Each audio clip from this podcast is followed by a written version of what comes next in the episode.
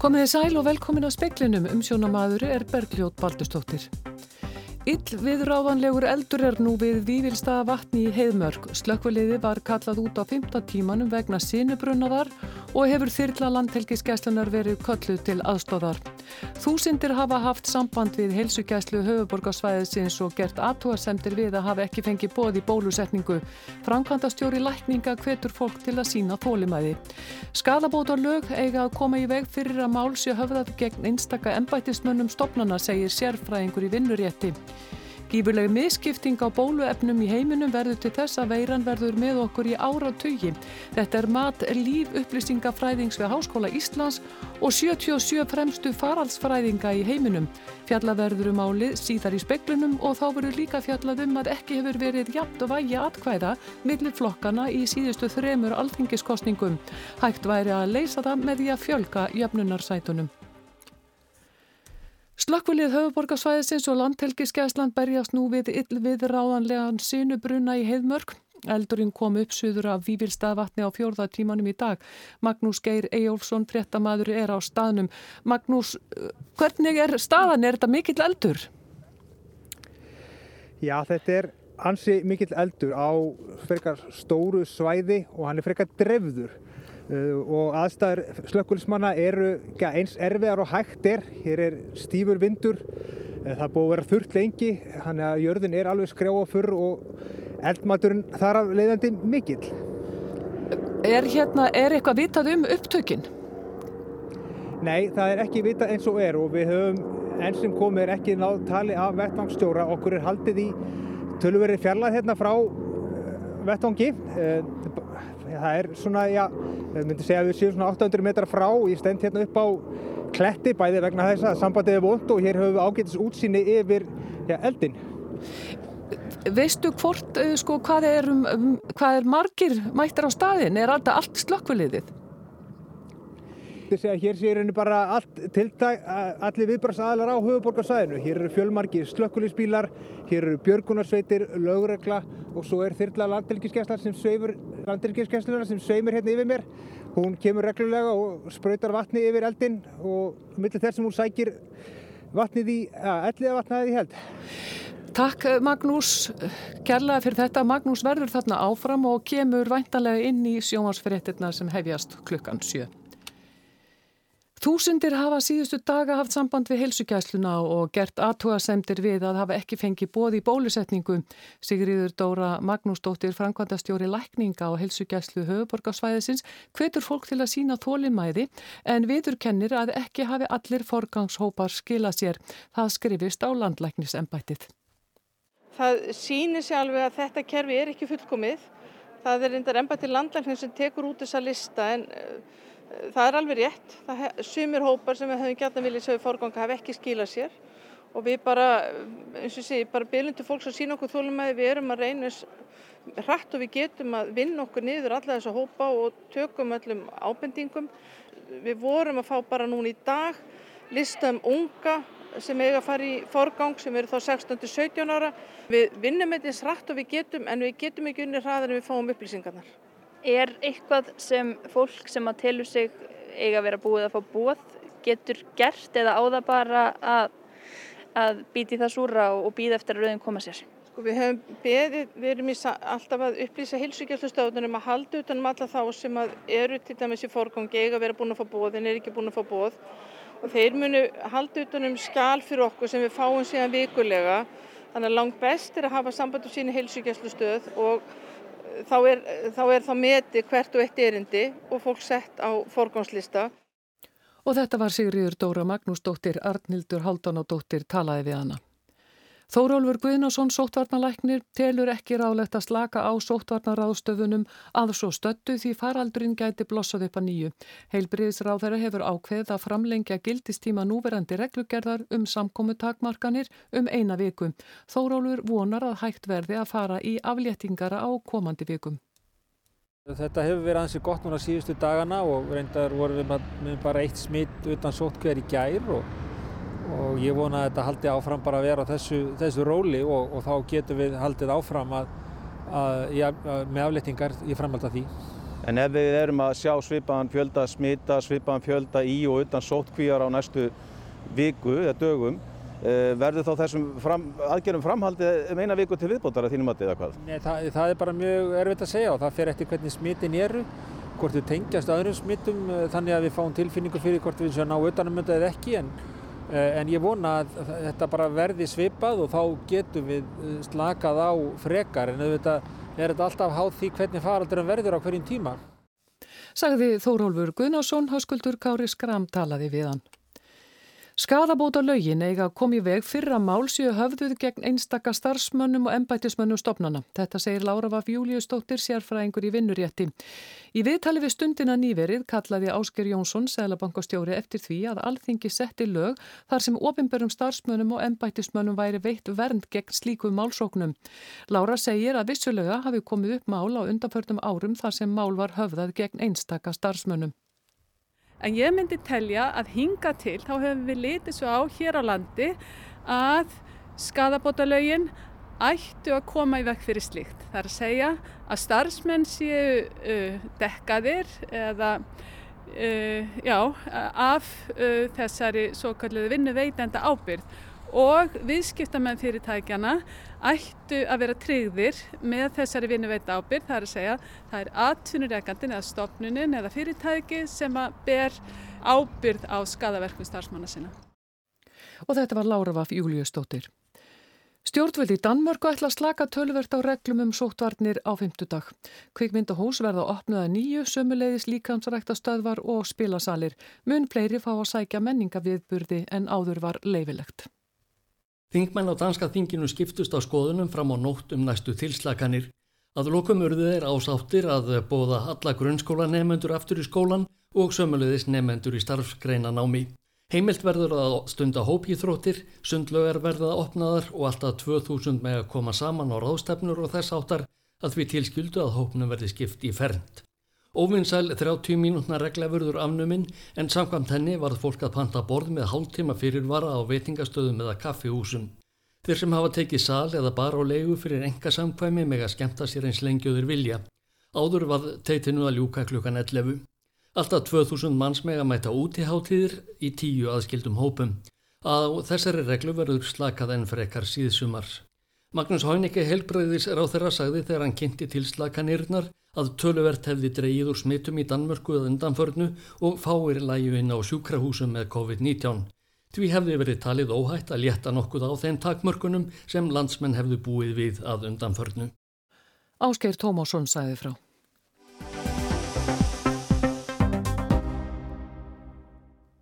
Með því að fjölga jöfnunarsætum þingmanna væri hægt að jafna vægi atkvæða milli flokkana sem bjóða fram í næstu alþingiskostningum. Í síðustu þremur alþingiskostningum hefur vægið ekki verið jamt og það verði stefna í það sama í kostningunum í haust. Ólafur Þotna Harðarsson, stjórnmálafræði profesor, hefur ítrekka bent á að þingmönum væri í lóalægi að breyta kostningalögunum til að tryggja jamt vægi atkvæða milli flokkana. Svo breyting rekst ekki á ákvaði stjórnaskrárinar sem hveður áum að minnstakosti sex kjördamakjörna þingmenni hverju kjörnami. Hins vegar er hveð áum í stjórnaskrána til að eiga rétt á jöfnunarsæti þurfi viðkomandi flokkur að ná 5% fylgi á landsvísu. Kjördamasætin eru 54 og jöfnunarsætin 9. Framan af tókst hann á jöfnu vægi en í síðustu þremur alþingiskostningum hafa annarkvort sjálfstæðarflokkur eða framsóknarflokkur fengið einu manni og mikið meða við kjörgengi. Það verði stefni það sama í komandi kostningum sangvand síðustu konun Gallup. Ef flokkur fólksins nær ekki 5% fylgi á landsvísum fengi sjálfstæðarflokkurinn einn aukamann á þing og tvo ef að flokkur mannsins næði þessu marki og þá myndi framsónarflokkurinn að fá einn auka þingmann með við kjörgengi flokksins. Þetta hefur Ólaður Þóttna Harðarsson bent á, en er líklegt að þingi hlaupi til og breyti lögunum og fjölgi jöfnunasætum til að tryggja jamt vægi. Þingmenn Pírata hafa lagt fram frumvarp um að sex kjördamakjörðu þingmenn verði í hverju kjördami og jöfnunarsætin verði 27 talsins sem skiptist niður á kjördami. Þá likur fyrir alþingi mikill lagabálkur um ný kostningalög sem Stengrimur Jó Sigfússon, fórseti alþingis, leggur fram í samráði við formenn stjórnmálaflokkana. Í stuttumáli er verið að steipa saman öllum lögum sem fjallum kostningar í eina heildar lögjöf. Sem mun þá eftir leiði skilda um kostningar til alþingis, kostningar til sveitarstjórna, kjörfórsetta Íslands og um þjóðratkvæðgreislur. Og það er talsveit breytt líka stjórnsýslunni og utanum haldinu um kostningar. Og, og það var ákveða að hafa þetta undir og ekki annað. Þannig að það var aldrei ætlunin að blanda inn í þetta kjördamaskipaninni eða, eða vægi atkvæða eða öðrum slíkum þáttum. Þá er málið talsveit annars eðlis, það eru aðrar pólitískar uh, vittir í því og hefði þurft að, að efna til samstarf stjórnmálaflokkan í landinu um það mál og svo framvegis. Þannig að þetta er hrein lagateknileg, framkvæmdaleg endurskoðun og engu öðru blanda saman við það. Stendur í því að þetta frumappi verða lögum fyrir þinglokk. Alþingi gæti í rauninu breyta ákvaðanum um jöfnunarsætin fyrir þinglokk, en er það líklegt? Já, maður á aldrei segja aldrei, en, en það væri ævintýralega óvænt upp á koma ef að, að stjórnmálaflokkunum hér tækist á örfáum dögum í anríki þinglokkana að, að bara taka það mál upp og ná saman um það. Þetta er auðvitað eitthvað sem við þurfa að, að vanda, þetta er flóki pústu spil ef þú ferð að reyfa til þingsætum og, eh, og mér segir svo hugur að það sé líklegra að næstu stóru skrefin í þessu verði tekin í samhengi við endurskoðun sjálfra stjórnarskrárinar. Það er að segja þá taki menn kostninga ákvæðin sem er inn í stjórnarskráni og kostningalögin og kjörnamaskipanina eh, fyrir sem viðfangsefni og reynir þá að sjá fyrir sér einhverja framtíðar mynd í því af því að ég held að það sé nöðsynlegt. Ég held að þetta snúist ekki bara um það að færa til einhver sæti innan núverandi kjörtamaskipunar. Það verður kannski niðurstaðan en ég myndi mæla með því að menn tækjum álið í heilsinni fyrir og veldu þá jafnframt fyrir sér hvort að kjörtamaskipanin sjálf eigi að vera eins og hún er. E, og þar hafa verið ímsar hugmyndir uppi allt frá því að gera landið einu kjörtami sem náttúrulega leysir öll þessi mál og einu bretti í þeim skilningi að þá er það var hvorki misvægi atkvæða nýja mikill vandi að ná jöfnuði millir flokka því að þingsætin eru þá svo mörg í einu kjördami en ég hef ekki endilega verið talsmaður þess. Ég hef skoðað allt í möguleika náði að gera landið að þremur kjördam sem myndi ná þessu nokkuð vel. Þörfin fyrir jöfnarsæti og jöfnuður millir flokka er auðveldari og þörfin fyrir jöfnarsæti minkar eftir því sem kjördamin eru stærri og fjölminnari og fleiri þingsætum til að dreifa þá, uh, þá þarf ekki jafn mörg laus sæti til jöfnunar í lokin. Því að flokkarnir eru þá almennt búin að, tryggja sér innan stærri kjördama þá þingmenn sem þeir eru að rétta á. Þannig að það verður að skoða þetta alltaf í samhengi. Jöfnunar getur kjærfisins vægi atkvæða og stærð eða, eða, eða fjölda þingsætana í kjördama þetta er allt samhangandi Samfara fólksvækun í til dæmis norðvestu kjördæmi og fjölgun á suðvestur hornilansins hafa þingsæti fyrir norðan færst yfir í til dæmis kragan. Þá hefur fjölgun flokka líka haft áhrif. Og þeim er fleiri flokkar sem koma til sögunar og ná mönnum á þing. Eh, þeim er ríkari þörf verður fyrir jöfnun eða jöfnunarsæti. Og það sést auðvitað best á því að ef einn eða kannski ef eitt eða tvö frambóð rétt ná yfir 5% af þröskuldin þá eiga þau sæti á, rétt á þremur mönnum en hafa kannski engan kjördamakossin þingmann fengið og þá hyrða þau upp þessi sæti til jöfnunar og þá er minna eftirhand á öðrum flokkum sem eiga kannski inni fyrir einu eða tveimur jöfnunarsætum. Og Stengrimur bendir líka á annar þátt sem lítur á þjettbílinu og strjálbílinu. Að landsbyggðinni finnst það blóðugt að missa frá sér þingsæti og benda á á móti að aðgangur íbúana hér að, að stjórnsíslunni og, einsum öðrum hlutum, þjónust og svo framvegis sé til muna betri.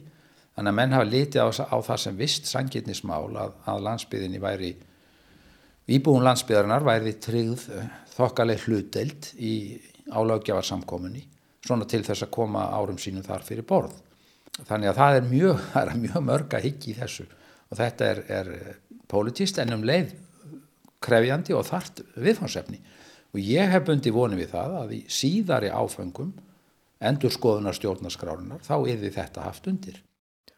Og þetta var Stengrimur Jóð Sigfússon, Arnar Páll Haugsson talaði við hann.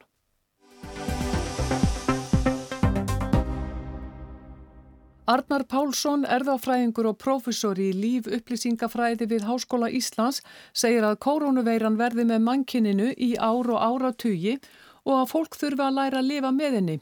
Það sé vegna þess að miðskipting á bóluefnum í heiminum sé gífurleg. Tedros Gebreyesus, forstjóri alþjóða heilbreyðistofnunarinnar, hefur líst yfir áhyggjum sínum af miskiptingu bólusetninga. Hann segir að hún sé áfall og hann kallar eftir réttlátari skiptingu bóluefna. Í ríkari löndum hafi einna hverjum fjórum verið bólusettur en í fátækulöndunum einna hverjum 500.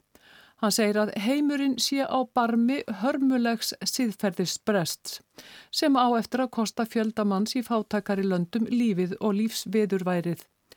Afleiðingar miskiptingarinnar sem hann talar um eru farnar að blasa við eins og sjá má á því sem nú á sér stað á Indlandi, í Brasilíu og víðar.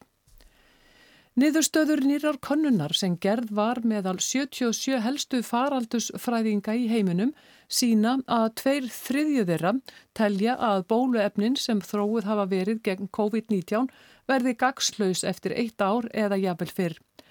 Samtökin People's Vaccine Alliance er bandalag 50 samtaka meðal annars Oxfam og UNAID, stopnun saminuð þjóðana sem beiti sér gegn HIVAF og alnæmi. Bandalagið let gera konunina og var hún byrt í lok mars. Faraldsfræðingarnir 77 eru frá 28 löndum.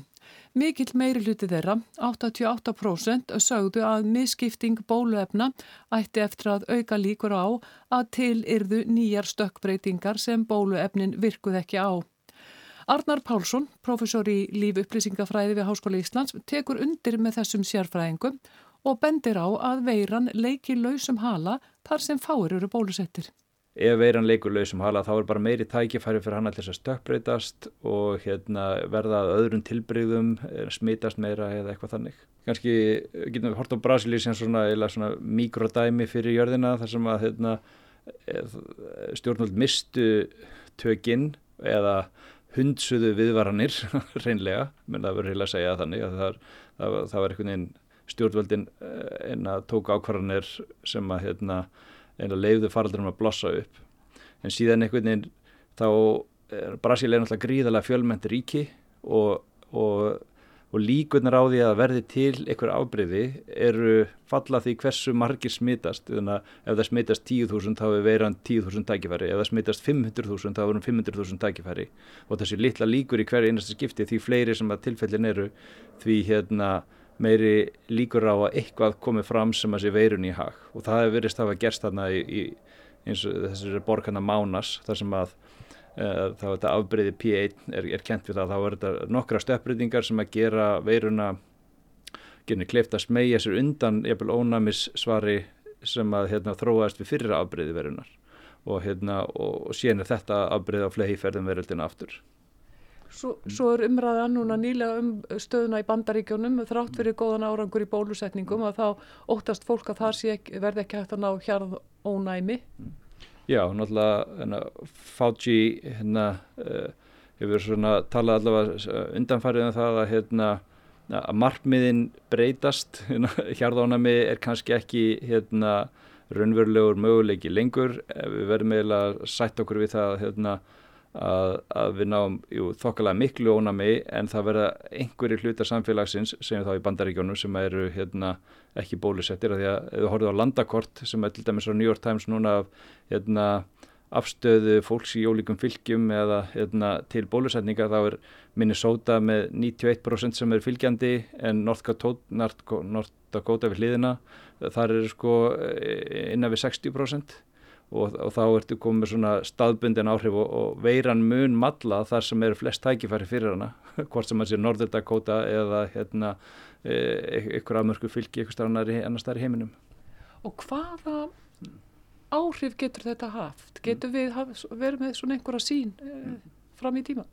Já, bara, ég held að í fyrsta lagi sé það að við þurfum að hætta að halda niður ykkur andanum. þetta, er, þetta er ekki einna, hérna, eitthvað sem við bara komumst í gegnum með því að fara í sumabúst og vera þér tvær vikur.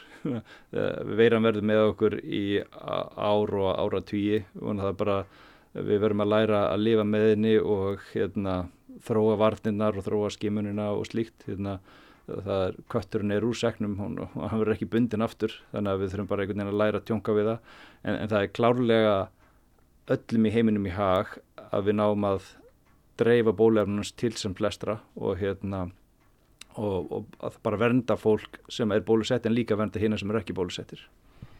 Þú telur sem sagt að það sé orðið útilokað að ná og að já, drepa þess að veru alveg niður?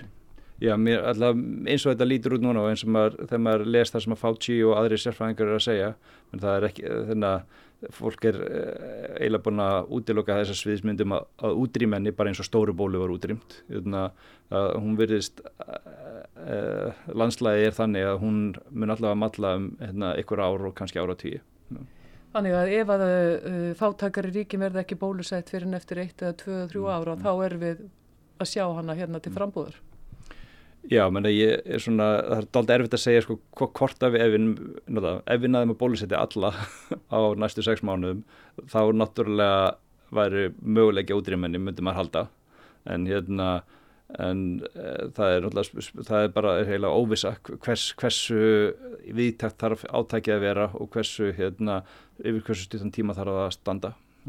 Bara við svona, ræðum vandamálun yfir heimsvísu eða yfir álfuna eða hérna, það er alltaf vandamál í Afríku sem eru alveglega heilbríðisvandamál, það eru vandamál í heiminu sem eru sagt, eh, varandi fátækt og misskiptingu auðs og hérna, ofríki og fleira sko, sem að hérna, hérna, veldur fólki alls konar vandraðum og síðan leggst veiran ofan á það. Og þannig að tala um misskiptingu auðsins hérna, affjúpast eitthvað neginn þegar veiran hérna, fer yfir og það er sumir sem hafa hérna ekki efni á bólusetningu ef eru borgarna sjálfur. Hérna. Og hér snýst þetta um ferðamenn? Mm, já, nákvæmlega. Það er ákála uh, kalt hannislegt. Og þetta var Arnar Pálsson.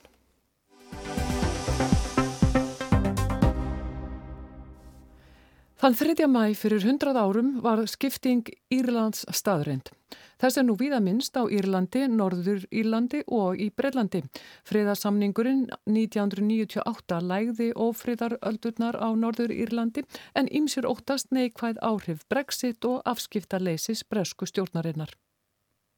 Fyrir einni öld voru loð 500 km lang landamæri sem skiptu 32 síslum Írlands í tvent.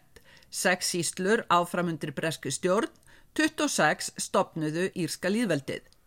Landamærin voru útkoma áratúadeilna og óerða líðveldi sinna eða þjóðarni sinna, flestir katholikar, sem kusu sjálfstætt Írland og svo samband sinna, flestir mótmælandatrúar, sem vildu áframhaldandi breska stjórn.